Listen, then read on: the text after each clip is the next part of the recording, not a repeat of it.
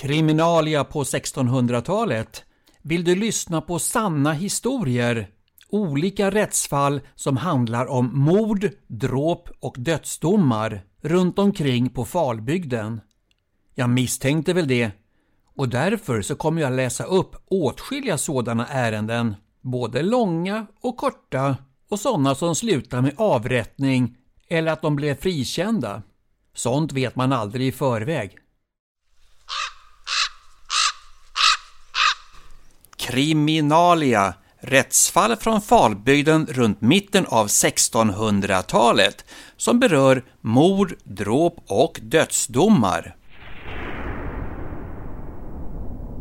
År 1647, den 11 oktober i Vartofta häradsting, då framlade den välborne adelsmannen Göran Börjesson Papegoja till Ramstorp en skrift angående det dråp som hade skett fem veckor tidigare mellan Dimbo och Ottravad där hans blivande måg Måns Nilsson, som var lagligen trolovad vid hans dotter, blev ihjälslagen av en korpral under dragonerna, Anders Olofsson i Anundshemmet i Sandhemsgäll. Göran Börjesson, papegoja, till Ramstorp hade kommit ut tillsammans med de andra från Ottravads kyrka. Men när de kom fram till Dimbo tänkte de resa åt olika håll, men eftersom det fanns en krog i närheten så ville korpral Anders Olofsson att de skulle gå in där, så han köpte en kanna öl av krögaren, det vill säga 2,6 liter, eller två kannor som det blev efter en stund. Och där satt de och drack vid pass tre kannor öl, alltså 7,8 liter.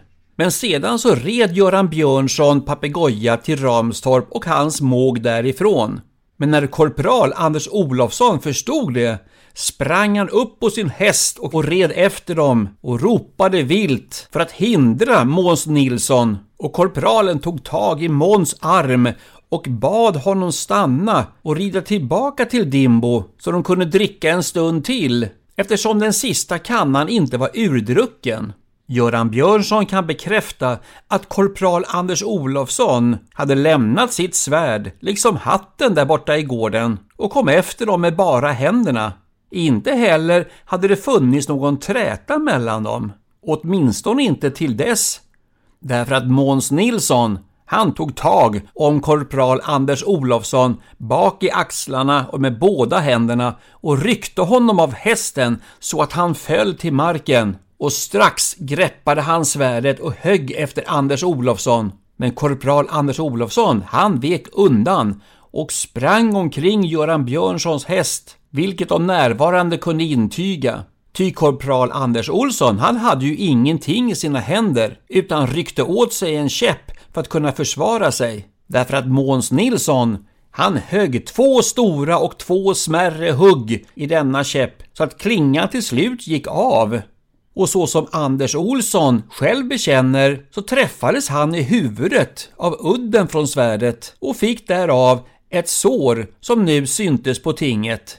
Men korpral Anders Olofsson, han sprang undan Måns Nilsson och ryckte svärdet ur handen på honom och högg honom över huvudet. Men sedan fick Måns Nilsson tillbaka sitt svärd igen och då rände han efter Anders Olofsson som sprang och gömde sig bakom tre stora ekar. Men Måns Nilsson högg efter honom och så som nämnden har synat så finns det fortfarande 15 hugg som var ämnade åt korpral Anders Olofsson.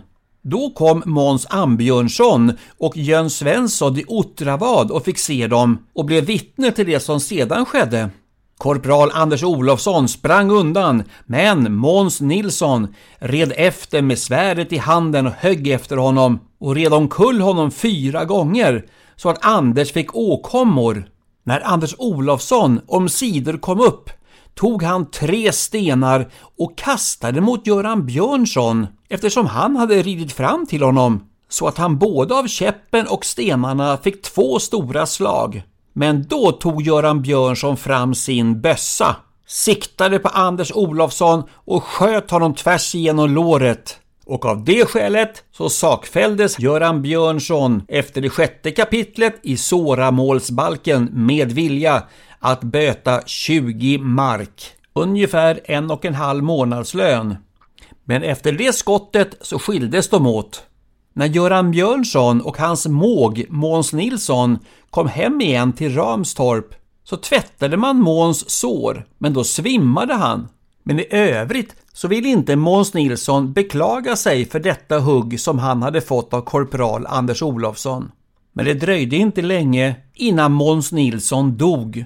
Häradsnämnden samlades och efter noga och långsamt betänkande och eftersom Anders Olofsson inte nekar till detta hugg så kan de inte heller befria honom från dråpet utan dömde honom efter det andra kapitlet i dråpmålsbalken ifrån livet.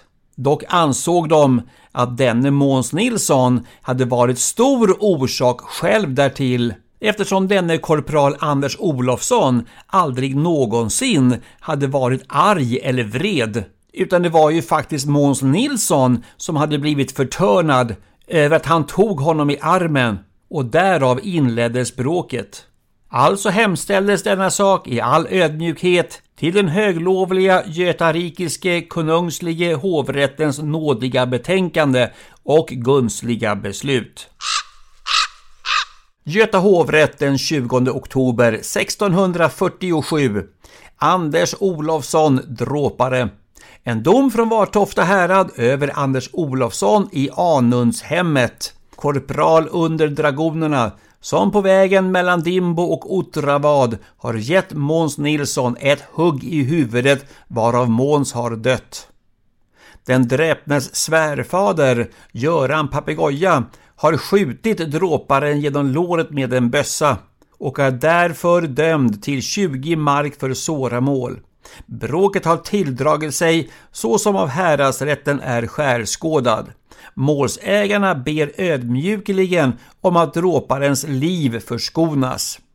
Beslut All den stund det klarlagts av häradsdomen att det inte var ett överdådigt dråp utan mer nödvärn.